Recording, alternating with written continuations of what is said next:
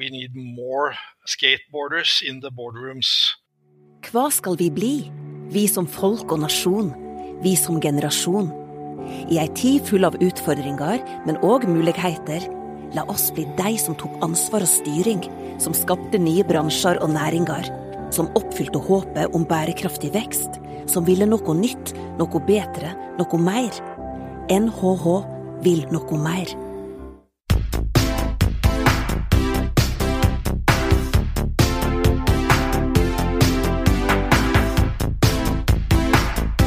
Velkommen til en ny episode av Ledertaffel, NHHs podkast om ledelse. I denne podkasten kaster vi et blikk på aktuelle tema innen organisasjon og ledelse. Vi diskuterer hva forskningen sier, og vi kommer med noen av våre tanker om hva ledere kan gjøre annerledes for å lykkes der de er. Mitt navn er Marius Jones, og jeg er ph.d.-stipendiat her ved Norges handelshøyskole. I denne episoden snakker vi om styrets rolle i moderne virksomheter. Vi har med oss Rune Bjerke, som er styreleder i VIPS og tidligere administrerende direktør i DNB. Han er også adjunct executive in residence ved Norges handelshøyskole. Og så har vi også med oss Inger Stensaker, som er professor på NHH og programleder ved NHH Executive sitt styreprogram. Vi snakker om styrets rolle, relasjonen mellom styret og ledelsen i et selskap, og hvilke kunnskap og ferdigheter et styre trenger for å gjøre en god jobb. Velkommen til en ny episode av Ledertaffel.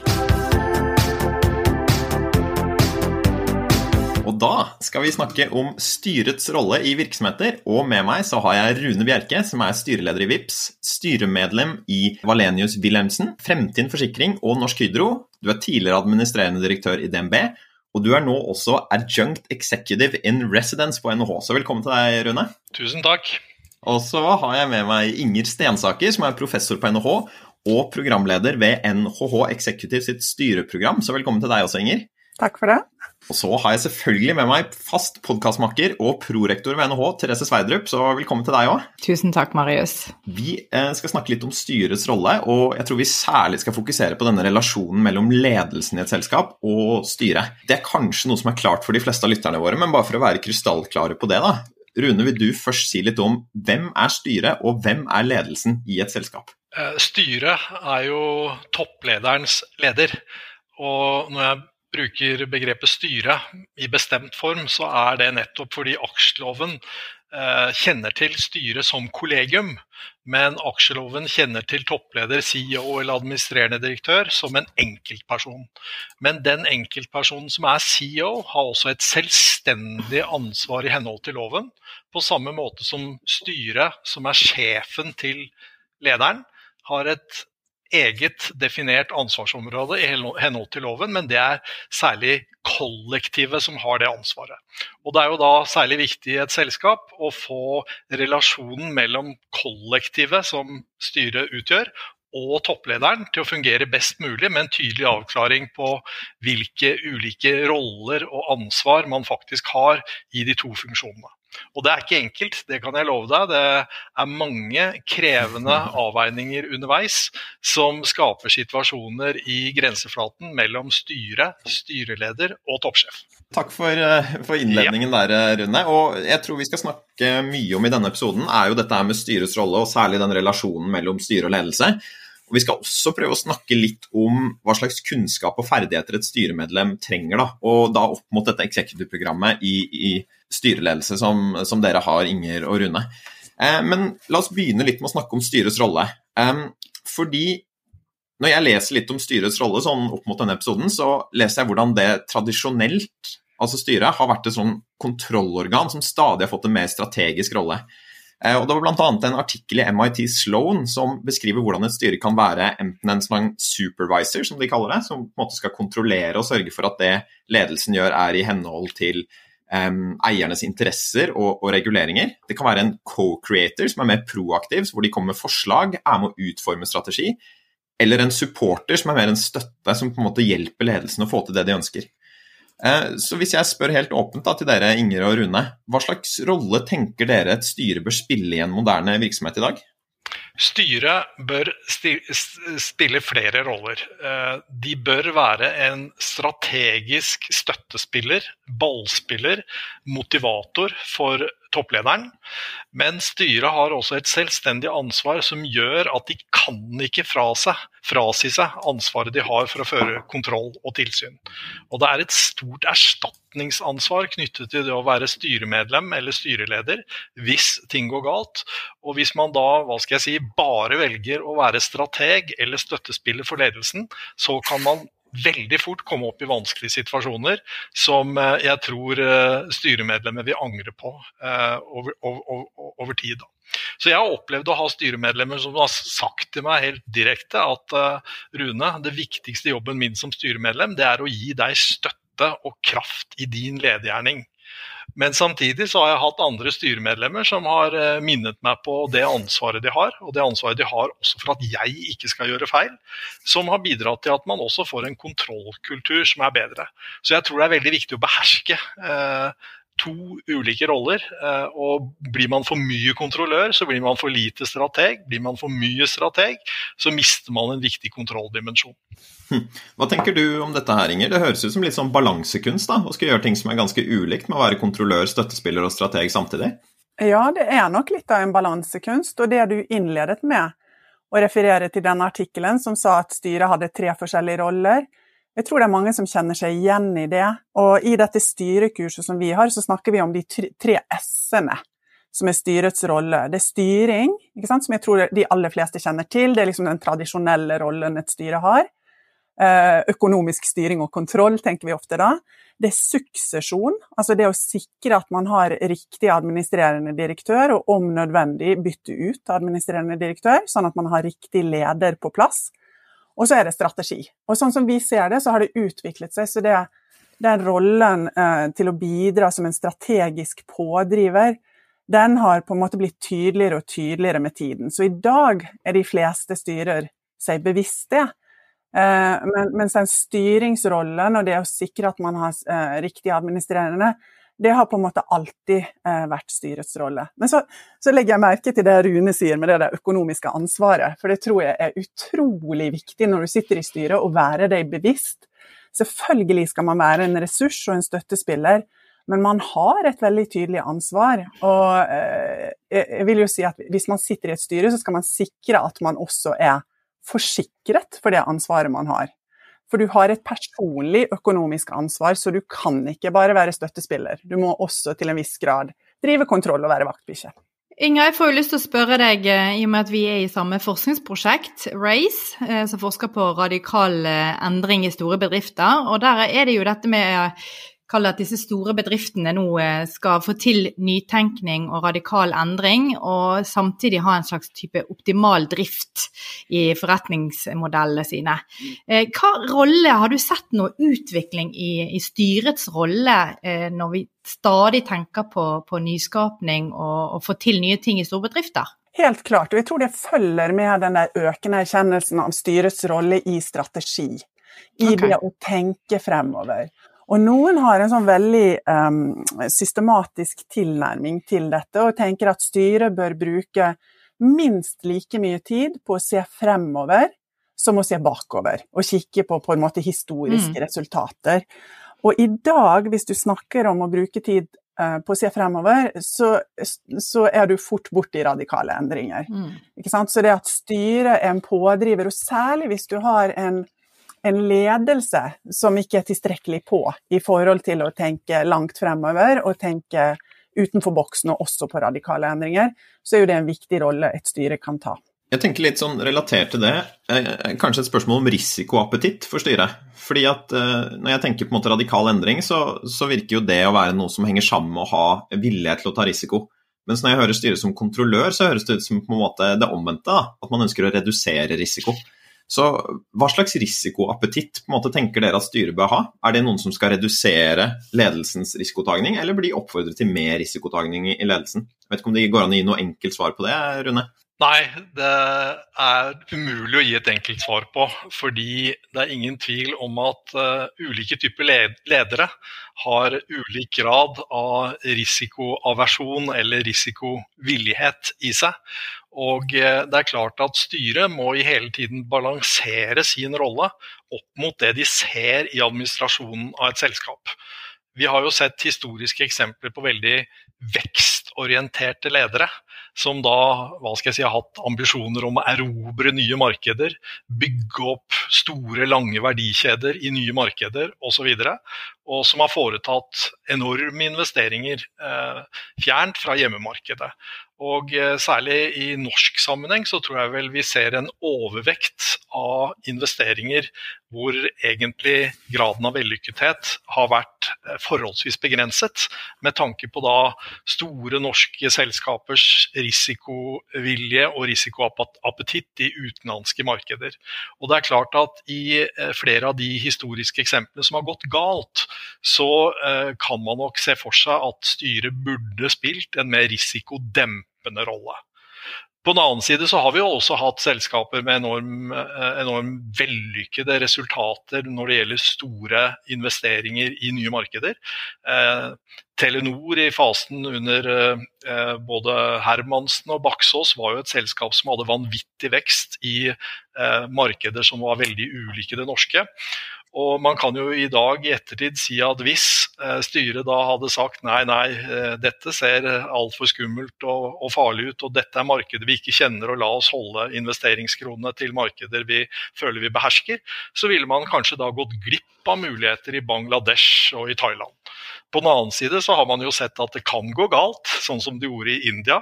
Og man har også sett at eh, det å investere i Russland, det er heller ingen enkel eh, balanse for et liksom, norsk selskap der styret og administrerende direktør hver for seg har et betydelig ansvar. Inger, jeg får lyst til å spørre, Dere har jo en god del caser når dere jobber i, i, det programmet, der det kanskje har vært uh, utfordringer og uh, nettopp med det å ta risiko. Er det noen eksempler du vil nevne, ting dere diskuterer som kan være interessant å ta opp i, i denne eh, podkasten? Ja, du sikter til det programmet vi har utviklet i et styreprogram som handler nettopp om styrets rolle som pådriver i strategisk endring og innovasjon. Og der ser vi på mange ulike kjempespennende norske caser primært, også en del andre skandinaviske caser. Eh, og så jobber vi, så deltakerne på programmet sitter som et styre og jobber med caser og får informasjon om det. Og VIPs-case-Rune er jo et av de ferskeste casene vi har. Eh, og da er Rune inne og har dialog med deltakerne og gir enda mer informasjon og erfaringsdeling enn det man kan lese ut av caset eh, vi har utviklet. Eh, men jeg tror at det å snakke om risiko og appetitt på en generell måte er helt umulig. For det er så avhengig både av hva som skjer i omgivelsene, og liksom hva er behovet her dersom vi tenker på radikal endring og innovasjon, og så er det jo også avhengig av ledelsen. Og hva slags risiko er det ledelsen Hva slags saker er det ledelsen legger frem? Så her er det jo nettopp samspillet mellom styret og ledelsen som er noe som vi jobber mye med i de casene som vi eh, tar for oss i programmet det, det, det, går ikke an å si generelt. Skal du, ha, skal du, være konservativ, eller skal du være, på en måte søke risiko som styre? Det er bra, bra svar. Jeg tror vi må inn på den ganske snart. altså denne her med eh, relasjonen mellom på en måte, styre og ledelse. Det er et siste sånn, spørsmål jeg har på en måte, om styrets rolle før vi går inn dit. og Det handler om på en måte, samfunnsansvaret til en virksomhet og styrets rolle der. Er dette her noe som er på en måte noe som er særegent for styret, at de bør ta et ekstra ansvar for det, eller er det på en måte utenfor på en måte styrets uh, scope, hvis man kan si det på den måten? Der har det vel også vært litt bevegelse. For det at eh, styret, som er det øverste organ, har jo tradisjonelt sett på som uh, at de representerer eierne. Ikke sant? Det er eiernes representanter som sitter i styret, og som, som da bl.a. har denne viktige jobben med å sikre at man har riktig ledelse. Eh, og så er det jo etter hvert blitt veldig stor aksept for at det som um, du, du, tenker ikke bare eierne som de viktigste interessentene, du tenker også samfunnet for øvrig. Og så kommer det, vi har diskutert litt, Marius, det kommer under mange forskjellige eh, forkortelser og begreper, og, og, alle ulike fag og alle har sine begreper rundt hva vi kaller det, men i finansverden så er det jo spesielt ESG som man har snakket eh, mye om de siste årene. Og der har styret helt klart også en rolle, mener jeg. Eh, hva mener du, Rune? Ja, det er ingen tvil om at uh, samfunnsansvar har eh, kommet eh, som en ny bølge inn i selskapene, og ikke minst inn i styrerommene. Og Det skyldes jo at ikke minst investoruniverset, altså aksjonærene, har begynt å kreve at man både har en god rapportering når det gjelder disse tre variablene da, innenfor governance, environment og social responsibilities. Og i så måte så er det styret som må være med og sette opp mål for virksomheten innenfor disse tre ulike områdene. Og styret må gjennom sin rapportering til markedet også beskrive hva man gjør og hvordan man jobber. Så det blir en del av styrets oppfølgingsansvar overfor administrasjonen. Og på en måte så er jo det veldig bra, fordi det viser jo at ESG-tenkning eh, e det er viktig når det gjelder bedriftens evne til å skape verdier over tid.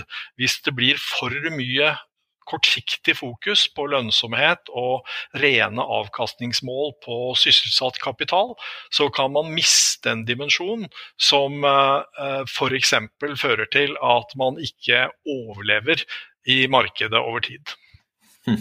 Så Det høres ut som på en måte styret har en, eh, har en ganske krevende rolle, da, med at de skal ha ganske mange forskjellige på måte, hatter på. Både knyttet til kontrollør, støttespiller, man skal være en strateg, og det inkluderer også dette fokuset på ESG, da, eller Environmental, Social og Governance-kriterier, eh, og, og, da samfunnsansvar. Eh, vi bør litt inn på dette her med eh, styre og ledelsen som et team. Og, og, Der tenker jeg, som du kommenterte innledningsvis, eh, Inger, at, at Rune, du har jo sittet med begge hatter på. Altså både vært styreleder og administrerende direktør, og da forholdt deg på en måte til et styre og en styreleder. Hva er det du har lært om relasjonen mellom styre og ledelse, basert på å sitte på begge sider av bordet? For det første så er relasjonen mellom styreleder og uh, toppsjefen, administrerende direktør, det at den relasjonen fungerer bra, er utrolig viktig for uh, kraften i selve selskapet. Hvis du har lekkasjer, altså energilekkasjer i relasjonen mellom administrasjon og et styre, så virker det demotiverende. Og det fører til at liksom, uh, motivasjonen ofte tappes hos ledelsen. På den annen side så klarer ikke heller styret å fungere godt nok i henhold til det som er deres oppgave, hvis man bruker for mye tid på uavklarte ting, misforståelse, dårlig kommunikasjon eller endog friksjoner i det som måtte være av synspunkter på strategi og operativ drift. Så for meg så uh, har jeg lært at styret må være veldig varsomme med å gå inn i det som er administrasjonens oppgaver, som er mer operative. Altså jo mindre operative i sin agering, både styreleder og styre er, eh, jo bedre tror jeg det er for administrasjonen i forhold til at de skal føle seg trygge på å gjøre sin jobb. Eh, tilsvarende så er det eh, utrolig viktig at kommunikasjonen innad i styret og mellom styremedlemmene og styreleder er god, sånn at den som er styreleder, liksom styrer styreteamet på samme måte som egentlig en toppleder styrer sitt team, altså lederteam. For det er ingen tvil om at uh, ett eller to mislykkede styremedlemmer, eller styremedlemmer som da eh, skjærer ut eller skeier ut, eller blir irritasjonsmomenter i styrekollegiet, de kan ødelegge utrolig mye også for kraften og samspillet i styret. Hvis jeg kan få lov å skyte inn noen spørsmål der, for at, nå føler jeg meg mer på hjemmebane når det handler om relasjoner. Det er jo der jeg har min forskning. Og, og, det er veldig interessant, eh, jeg vil gjerne spørre deg da, Rune. Har du opplevd noe utvikling knyttet til forståelsen av viktigheten av å avklare forventninger, av å utvikle relasjoner? Altså, jeg sjøl når jeg har sittet i noen styrer og kommer inn, så er det nærmest fra dag én at du sitter nå der og har lest agendaen, og så er du i gang.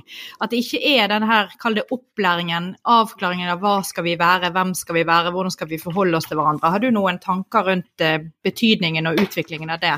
Ja, eh, og, jeg tror det du sier er, er et veldig viktig poeng, eh, Therese. Fordi altfor mange styrer de, de de driver eh, og ruller eh, møtene år etter år og jobber på samme måte etter en agenda og en mal som da ofte et styresekretariat eller eh, sjefens sekretariat eh, organiserer.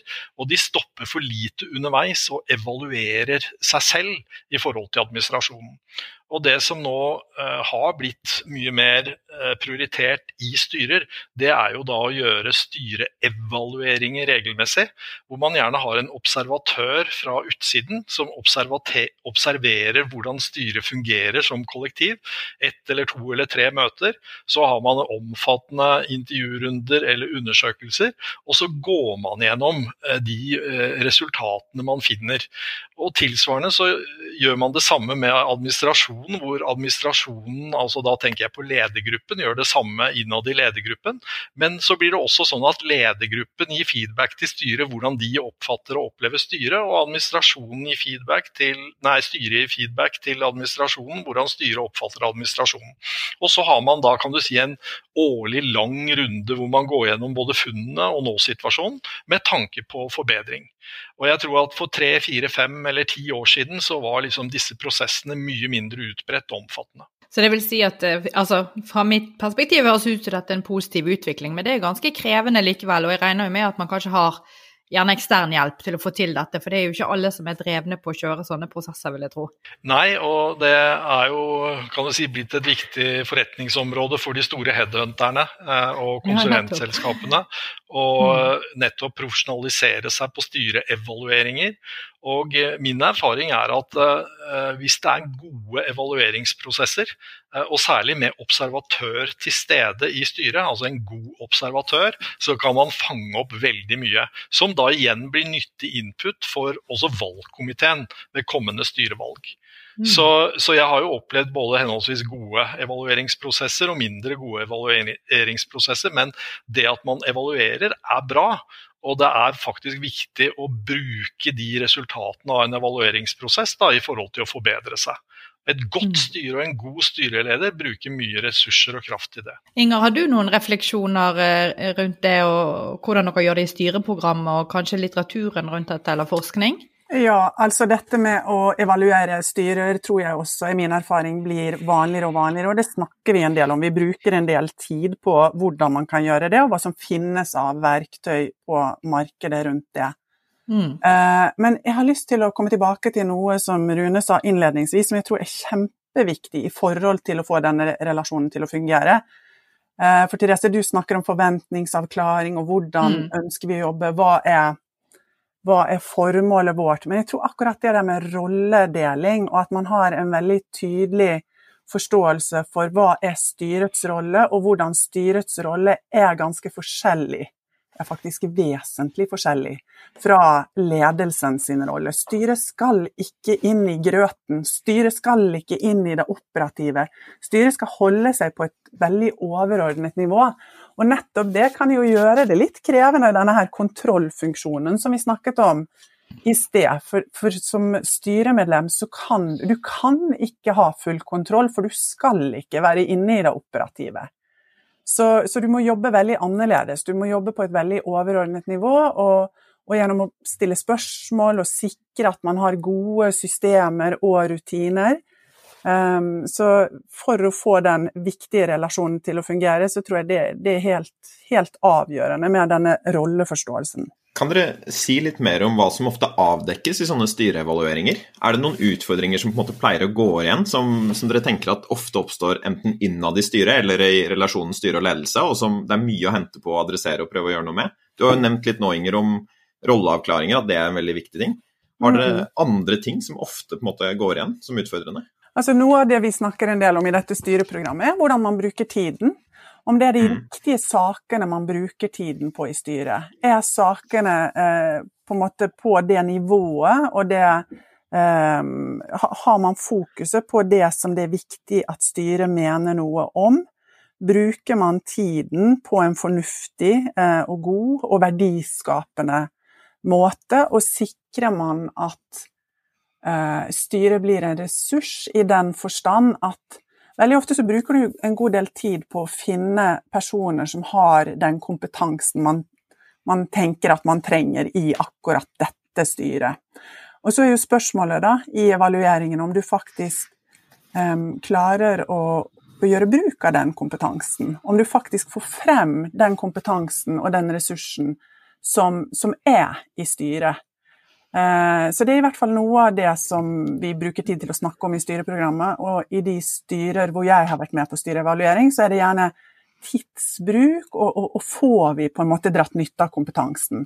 Noen av de tingene som vi ofte diskuterer. Har du noe å legge til der, eller Rune? Noen ting som du ser at uh, ofte er utfordrende i styret? Jeg tror en ting som ofte går igjen, det er uh, tidsbruken uh, på, på styremøtene i den forstand om man bruker eh, tilstrekkelig tid på de viktige sakene, og også tidsbruken eh, og fordelingen av tidsbruk mellom styremedlemmene og administrasjon, og ikke minst eh, tidsbruken styremedlemmene imellom. Du kan ha styremedlemmer som er for passive, du kan ha styremedlemmer som er for aktive, og du kan som en hovedregel veldig ofte ha for mye tid på styremøtene som går med til generelle presentasjoner av sakene fra ledelsens side.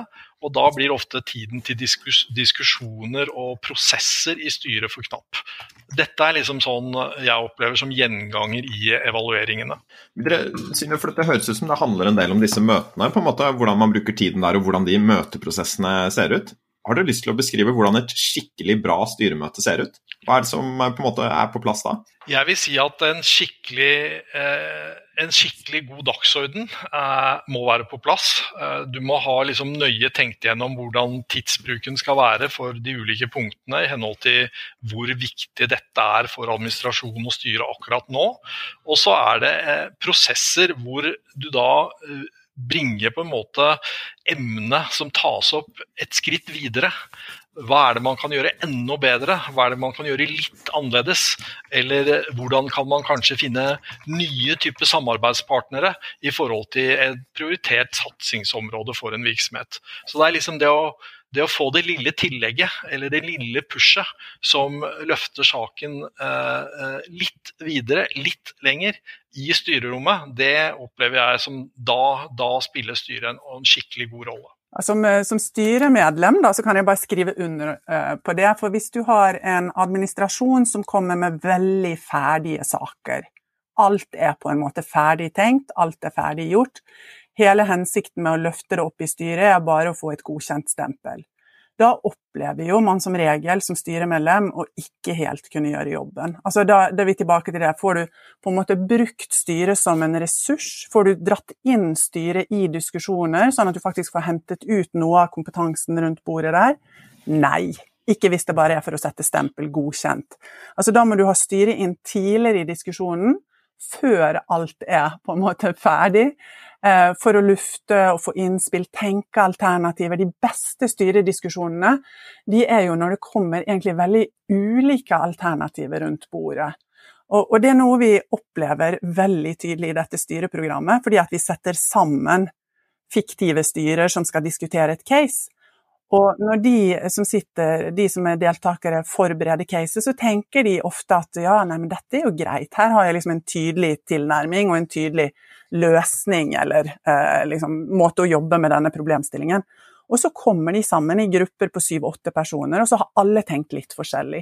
Og når du virkelig får diskutert og jobbet med de ulike alternativene, oppsider, nedsider, har vi tenkt hva er implikasjonene av hva hvis, hva hvis vi gjør dette, eller hva hvis vi ikke gjør det, eh, det er da du virkelig føler at du får, får brukt styret og kommer videre. Jeg fikk lyst til å stille et spørsmål knyttet til uh, egentlig et tema vi har hatt gjentagende ganger i Ledertaffel, men det handler om dette begrepet psykologisk trygghet. Og jeg vet jo at uh, når du var i DNB, Rune, så jobbet dere en del med det. Hvordan ser dere akkurat det fenomenet psykologisk trygghet i styret? Jeg kom til å tenke på det når du snakket om denne her, det å dele frittinger og, og gå inn i diskusjoner. Det fordrer jo at det er trygt å gjøre det. Har dere noen refleksjoner rundt det? Ja, det er uh, utrolig viktig å ha et åpent, tillitsfullt og trygt forhold mellom styreleder og uh, administrerende direktør. Og Personlig så har jeg jo opplevd at det forholdet er ekstremt viktig i krisetider, i krisesituasjoner. Fordi da er ofte avveiningene som gjøres fra uh, toppsjefen, er så krevende og kompliserte. Og det da å vite at uh, de valgene man tar, er valg som tas med styret og styrets støtte, det er utrolig viktig for å være i stand til å fronte da disse krevende avveiningene som er gjort, og disse handlingene som er nødvendige utad. Og eh, Personlig så har jeg opplevd i DNB-tiden min eh, opptil flere krisesituasjoner. En ordentlig reell krise knyttet da til finanskrisen i 2008 og 2009. Og I den fasen så, så var det vanskelige valg som måtte gjøres. og det, det, det, å vite da at styrets leder og styret sto bak, det var utrolig viktig for å rett og slett tørre å gjøre de nødvendige tingene på en riktig måte. Men da er det viktig at det forholdet funker i utgangspunktet. Vil du si litt om hva du har lært om hvordan man kan få det forholdet til å fungere så godt som mulig? Og her tenker jeg, Rune, både fra styreleder, men også fra på en måte daglig leder. da. Hva er det man kan gjøre på hver sin kant for å sørge for at den relasjonen er så god som mulig? Jeg tror jo det er noen veldig viktige faktorer som ligger her. da. Altså, øh, den styrelederen som jeg hadde over en lengst periode i DNB, var veldig opptatt av at det var en bra ting at vi utfylte hverandre. Eh, vi hadde ulike sosiale omgangskretser. Vi likte hverandre, men vi hadde ikke en personlig relasjon. Så den var veldig profesjonell. Men samtidig så bygget vi et tillitsforhold som gjorde at våre ulikheter og, og, og ulik kompetansebakgrunn kunne komme bedre eh, til nytte gjennom at vi, vi, ble kjent. da. Vi ble kjent med hverandres styrker og svakheter og også behov for støtte i ulike typer situasjoner. Og dermed så, dermed så, så ble det en slags eh, tilførsel av energi og kompetanse og kapasitet fra styret til til meg den gangen da, som, som, daglig leder. Tilsvarende så har jeg jo opplevd situasjoner hvor jeg har vært leder hvor jeg ikke har følt eh, den type tilførsel av eh, noe positivt da fra styret. Og eh, da er det ekstra vanskelig å være styre, nei, ekstra vanskelig å være toppsjef, eller for å ikke si umulig å være toppsjef. Jeg, jeg, tenker jeg har lyst til å spørre deg litt også, Therese, om dette her med å, å, skape gode relasjoner i sånne team. Og jeg tenker jo at Styret er jo også et team som kanskje ikke møtes på daglig basis, men at det går litt tid imellom. Mm. Og det kan jo være enda utfordrende, eller enda mer utfordrende, å skape en sånn uh, følelse av psykologisk trygghet i sånne team. Så er det noe du tenker er relevant fra teamforskningen generelt, som kan hjelpe oss å forstå hvordan gode relasjoner kan skapes i et styre?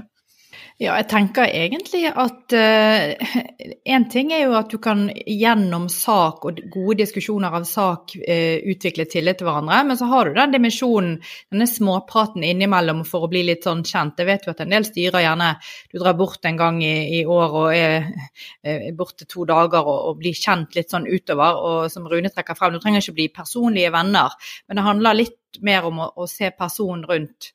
Eh, så det å legge litt mer tid i hvordan man ser på hverandre osv. For jeg skal ikke uh, skimse av når man kommer inn et sted, hvis man gjerne er litt uerfaren, så er man gjerne i en situasjon der man tenker litt sånn Oi, hva har jeg å tilføre her? Og hvis ingen er der og gir deg den tryggheten til at du vil bidra, så kan det være du holder igjen. Fordi at du har ikke lyst til å fremstå eh, som dum eller en som ikke har peiling, for du er jo tross alt der med flinke folk. sant?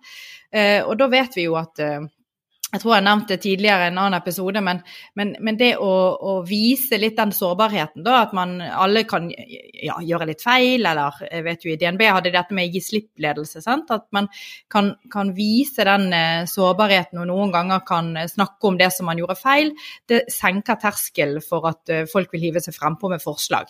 Og det er jo det man gjerne vil, for det er jo ikke sikkert at idet man åpner munnen, så er det det smarteste du noen gang har sagt, men gjennom å, å utforske et mulighetsrom rom mellom hverandre, og at det er rom for det, så kan det komme opp ganske gode ideer og, ja, og forslag da, som man gjerne ikke har tenkt på i utgangspunktet. Har du noe å legge til på den, Inger? Det hadde vært eh, fint bare å høre dine refleksjoner på dette her også. Ja, nei, jeg, jeg tenker jo òg at dette med trygghet og kunne tørre å ta diskusjoner, tørre å si nei uh, når det er behov for det. Tørre å være uenig. Det er veldig viktig at vi ikke snakker om psykologisk trygghet eller det å ha et trygt styre som at det skal være konsensus, eller at man skal være mm.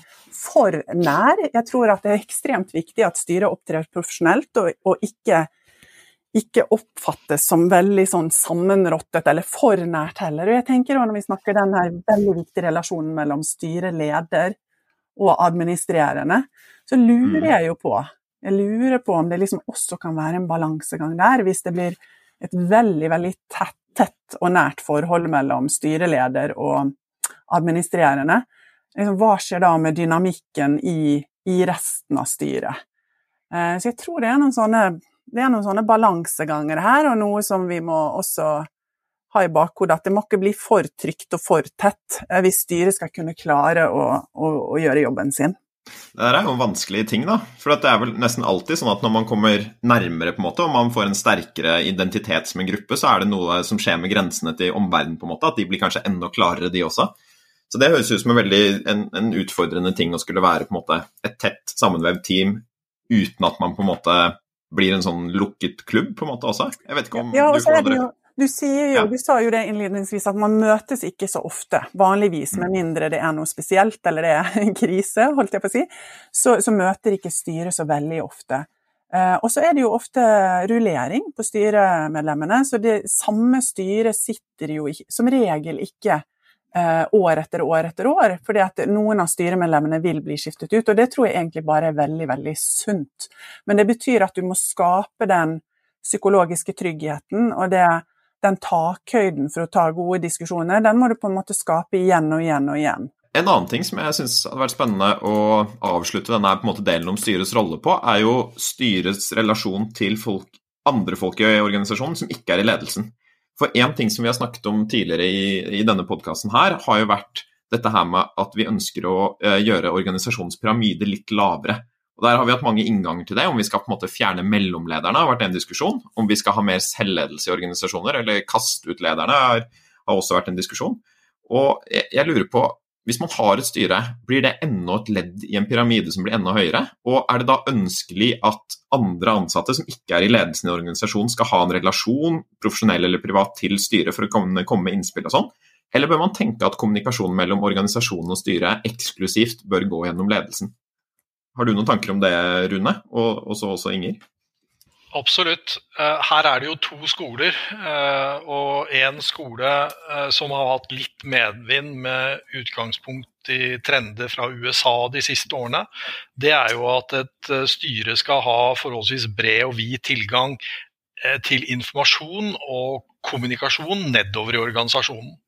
Eh, og så har du én skole som er veldig opptatt av å ikke kludre til roller og ansvar mellom styre og administrasjon, som mener at eh, den aller meste eh, kommunikasjonen mellom administrasjon og ledelse utover kommunikasjonen mellom styreleder og administrerende direktør bør foregå i styrerommet.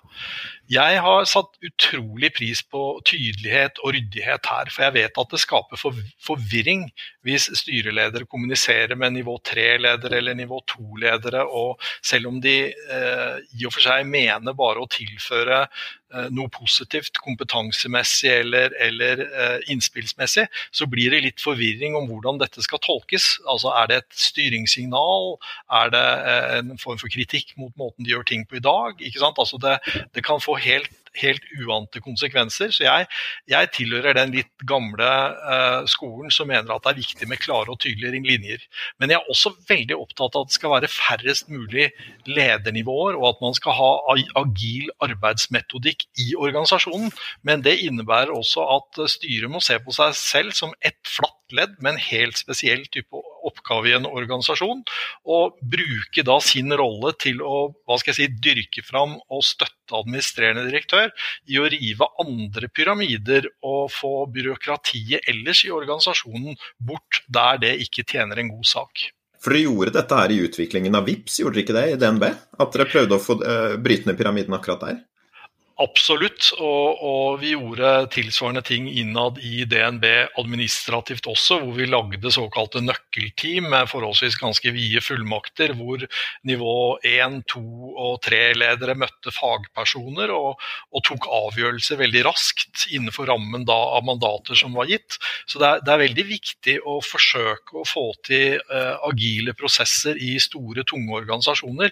Men hvis du, altså mitt poeng er at hvis du slipper styret løs løs på administrasjonen uten at det er koordinert og styrt på en god måte gjennom styreleder og eh, administrerende direktør, så kan det bli veldig mye eh, rolleuklarhet og ansvarsuklarhet i organisasjonen. Så det er det jeg er engstelig for. Men jeg er ikke engstelig for agile prosesser og, og, og agil tenkning i en organisasjon. Kult. Deler du Rune sitt perspektiv på dette, Inger? Jeg gjør det, og jeg la merke til at han kalte det at han eh, liksom tilhørte litt denne gammeldagse tradisjonen. Jeg vet ikke om den er så gammeldags, jeg. Eh, vi har jo inne veldig erfarne styreledere og administrerende direktører på dette programmet vårt. og de aller, aller fleste er av den oppfatningen som Rune beskriver, at du kan skape mye rot, og du kan skape mye utrygghet ved å gå direkte på eh, mange i organisasjonen som styremedlem. Eh, men det betyr jo ikke at du ikke skal liksom orientere deg og vite hva som foregår i organisasjonen. Du har jo som regel noen eh, av de ansatte som sitter i styret, så det å alltid passe på å høre perspektivene fra de ansatte i styret. Invitere andre fra organisasjonen inn til å ha dialog med styret og ellers på en måte prøve å gjøre seg kjent på best mulig måte. Være ute og gjøre mer sånn formelle, systematiske besøk rundt omkring i virksomheten. Så det er mange ulike måter du som styremedlem kan, kan bli bedre kjent, og føle at du får bedre kjennskap til resten av organisasjonen. Uh, annet enn å liksom gå rundt uh, ledelsen og, og, snakke direkte med. Jeg tror um, vi skal gå inn herfra på den siste delen av, uh, av episoden. og Det handler litt om enkeltmedlem i styret, og hva slags kunnskap og ferdigheter et styremedlem trenger. Og Grunnen til at vi går inn på dette, her, er jo fordi at dere to, Inger og Rune, er en del av NHH Executives styreprogram. Eh, og med å, er med og leder det. og eh, Da tenker jeg det er litt sånn relevant å snakke om hva folk lærer der, da, og hvordan dere bruker tiden på det eh, programmet for å styrke styremedlemmer. Så Hvis vi starter helt åpen først, da, hva tenker du at er de viktigste kjennetegnene ved et ressurssterk styremedlem? Det høres ut som du spør om individuelle egenskaper. Eh, og da tenker jeg litt annerledes, jeg tenker alltid på styret som et kollegium som er sammensatt av ulike, ulik kompetanse og spiss, eh, spisskunnskap, ulik ekspertise. Eh, så kanskje jeg tolker spørsmålet ditt feil, men jeg tenker alltid at du må liksom se på hele styret og ikke på enkelte styremedlem. Det er heller ikke sånn vi jobber i det styreprogrammet. For vi jobber jo veldig mye med å, å lære av erfaringer, lære ved å diskutere caser. Og da handler det ikke så mye om å bygge opp enkelt, enkeltbrikker av kompetanse. Det er mer å um, egentlig synliggjøre hvor forskjellig du kan gå inn i ethvert case, hvor ulike perspektiver eh, som disse ulike styremedlemmene bringer inn. Så hvis jeg skal liksom prøve meg på å si at det er noe, noe kompetanse man bygger, så er det vel kanskje nettopp det, da. Å lytte til og jobbe med å trekke inn ulike alternative perspektiver. og og, og, og, jobbe frem noe felles ut fra det. Det er fint, eh, fint svar, det der, også. Eh, og jeg tror bakgrunnen for spørsmålet mitt var kanskje mitt forsøk på å lese meg opp litt i forkant av denne samtalen. Og jeg har jo ikke noe inngående kunnskap om dette, så det er bare å korrigere spørsmålet i den retningen dere tenker er nyttig. da. Men det var én sånn artikkel i Harvard Business Review som, eh, som jeg leste, som, som, var litt inngang til spørsmålet. Og den foreslår at styremedlemmer bør være dyktige langs fem dimensjoner. Hvor de sier at de som er med i styret, de bør ha finansielle ferdigheter. Altså at de bør forstå språket en CFO bruker. De bør ha strategiske ferdigheter, altså evnen til å måte, forstå endringer i verden og hvordan selskapet skal tilpasse seg det. De må ha relasjonell kompetanse, altså evnen til å bygge relasjoner, som vi har snakket litt om. De bør være gode på rolleforståelse, og så bør de være gode på kulturbygging og forståelse av kultur. Så Det var jo kanskje litt sånn inngangen å, å si at dette her er noe som styremedlemmer bør mestre. Um, Hva tenker du om en sånn her liste, Inger, når du hører den? Tenker du at det er litt, egentlig litt snevert, da, at man ser litt for mye på individet da, eller er dette her ting som man bør ha i bunnen som styremedlem for å kunne utspille en rolle på en god måte? Ja, nei, men det, jeg, jeg, likte den listen. Da, da, er jeg litt mer med på hva du tenker. Og jeg tror at eh, tradisjonelt så har man ofte tenkt at eh, ja, det finansielle, det, det, må du ha. For du har det uh, overordnet økonomiske ansvaret eh, for virksomheten. Og som vi snakket om innledningsvis, så er det i økende grad en erkjennelse av at det er viktig å ha strategisk kompetanse i styret. Eh, dette med det relasjonelle og rolleforståelsen har vi jo snakket mye om hittil. Men jeg liker òg den tanken om at du trenger noen som forstår hvordan man bygger kultur. Så jeg tror mitt poeng er at hvert enkelt styremedlem trenger ikke å kunne alle disse tingene. Det du trenger mm. å sikre, er at du har den kompetansen i styret. Og så er det jo noen som i dag da vil hevde, nettopp pga. Eh, disrupsjon og radikale endringer og teknologisk utvikling rundt oss, at i noen virksomheter så kan det være viktig å ha teknologisk kompetanse i styret òg. Og igjen, ikke det at alle styremedlemmer må ha eh, dybdeinnsikt i teknologi, men at du har noen som har det. Eh, og i noen typer virksomheter så vil det også kunne være viktig å ha juridisk kompetanse i styret. Så jeg tror vi må tenke liksom styret som helhet. Har du disse kompetansene der, og så er ikke det sånn at hver enkelt person for å være aktuell og attraktiv trenger å mestre alle de eh, ulike kompetansene. Kult. Har du noen refleksjoner på det spørsmålet, Rune? Uh, absolutt, og jeg er veldig, veldig, enig i det Inger sier her, at uh, det der er jo summen av kravene til et helt styre. Uh, men jeg syns det som en kontrast da, til denne skoleguttoppskriften til Harvard Business Review, vil jeg bruke utsagnet til toppsjefen i Aker Biomarine, Mats Johansen. Han sier 'we need more skateboarders in the boardrooms'. Altså, han, han, sier jo det selvfølgelig fordi han uh, står på skateboard selv, men han sier også noe med det uttrykket om at det er en annen type legning enn det som historisk har funnet veien inn i styrerommet det er behov for. Du trenger noen som forstår eh, trendene i samfunnet, som forstår endringene som finner sted, som forstår spesielle kundesegmenters språk og eh, forventninger. Og da må du kanskje kikke litt bortenfor, eller beyond, the, uh, the list of Harvard Business Review. Da. Mm. Jeg, jeg får jo lyst til å, å, å spørre litt òg, liksom, hva er deres opplevelse av frihetsgradene man har eh, som styreleder, eller de som nå setter sammen styret, i å tenke den helheten du snakker om da, Inger. Sant? For det skal byttes ut, og du skal ha representasjon fra ansatte, og det er noen eksterne. Vi ser jo det på vårt eget styre på NHH. Det er mange slåtter som skal fylles. Hva er hva er frihetsrommet her, og gradene til å, til å ta inn skateboardene? Jeg tror du har det rommet, hvis du, ja. hvis du, vet å benytte deg av det. Når du skal ha inn nye styremedlemmer, så vil du ofte ha en slags uh, diskusjon rundt uh, hva er det vi trenger nå, hva er det vi skal se etter. Trenger vi noen som tenker helt annerledes, som liksom er i helt andre miljøer, som kommer inn med helt annen type kompetanse? Eh, jeg tror ikke alle er like flinke til å benytte seg av rommet, men jeg tror at det er der.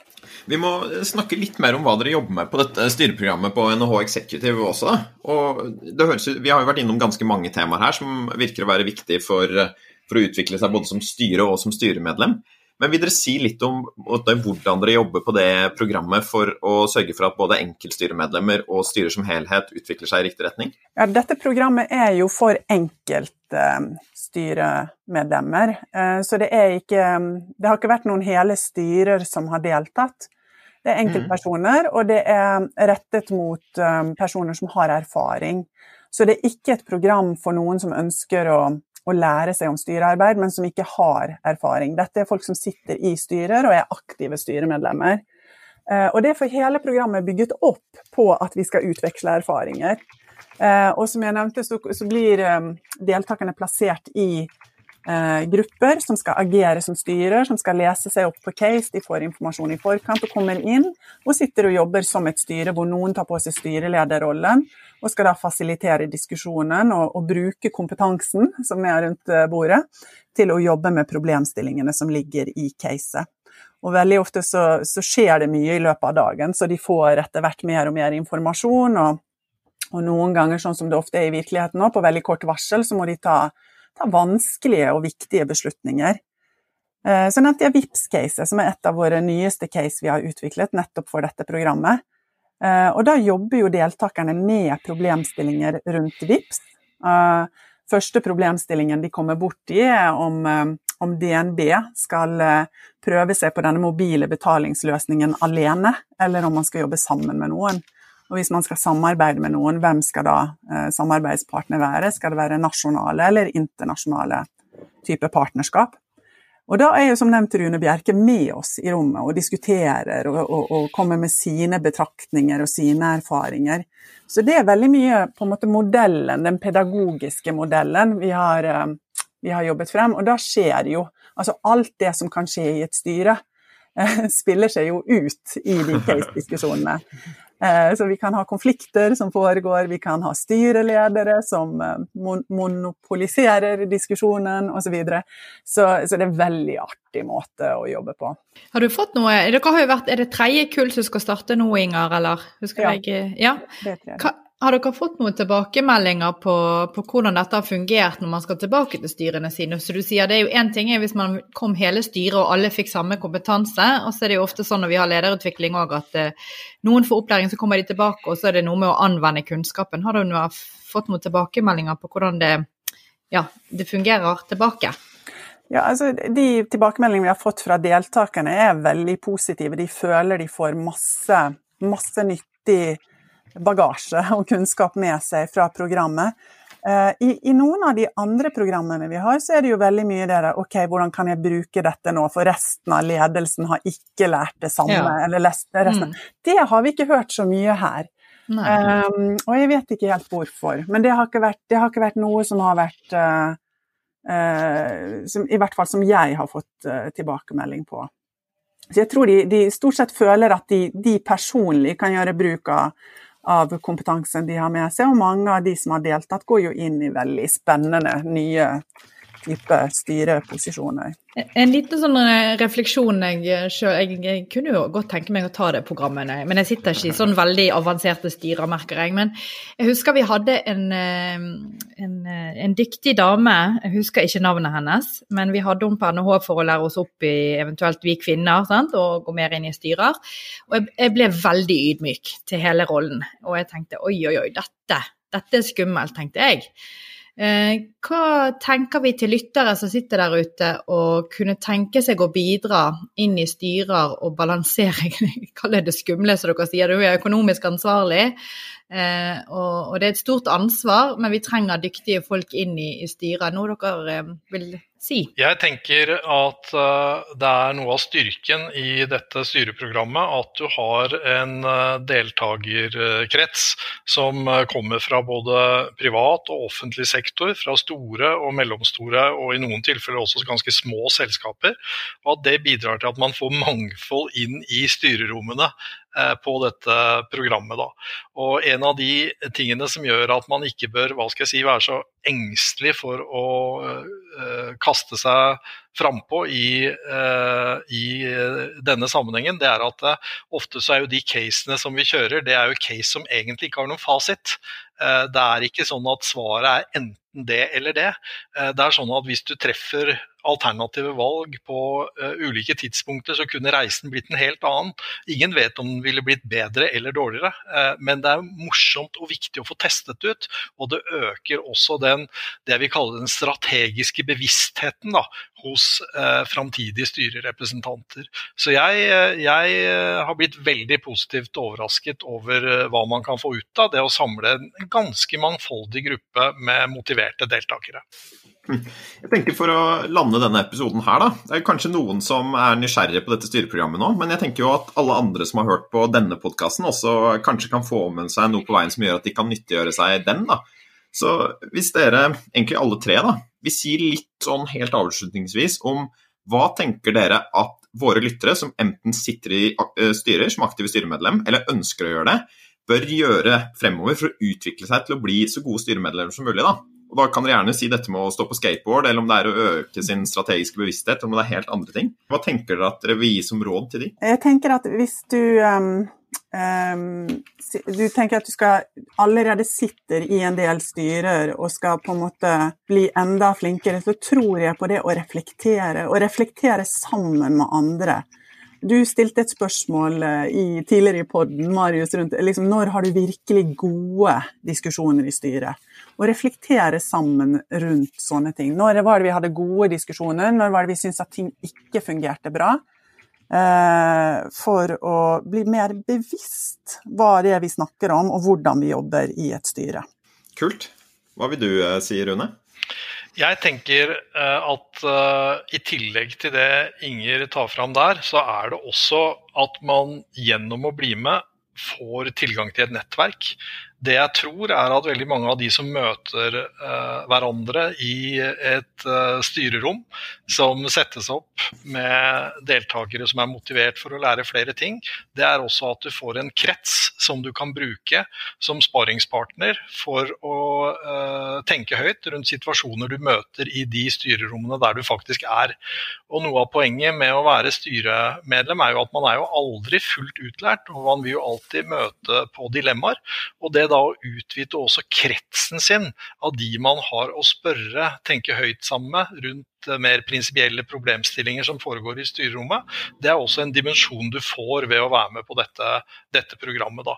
Og enhver styreleder og ethvert styremedlem vil eh, få en bedre mulighet til å skjøtte vervet sitt på god måte, en god måte jo større kretsen man har å samtale med og tenke høyt sammen med, eh, er i forhold til eh, variert kompetanse. Herlig. Fine ting på tampen der. Altså, har du også noe, Therese, som du vil si, kanskje basert på din forskning på relasjoner og team, om tips til aktive eller fremtidige styremedlemmer? Hvis jeg bare skal ta forskningen rundt team og, og, relasjoner, så er det jo nettopp det at sitter man i et styre og skal bidra, så er det jo noe med at man må føle seg trygg.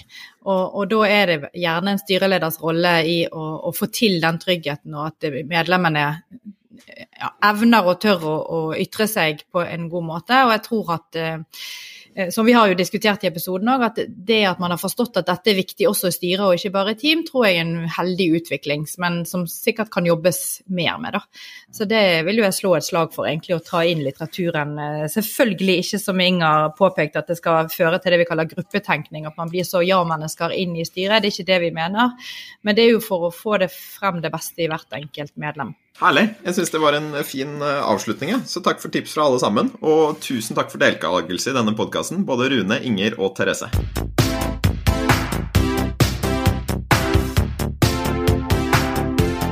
Du har nå hørt en ny episode av Ledertaffel, NHHs podkast om ledelse. I studio i dag var Rune Bjerke, Inger Stensaker, Therese Sverdrup og meg, Marius Jones.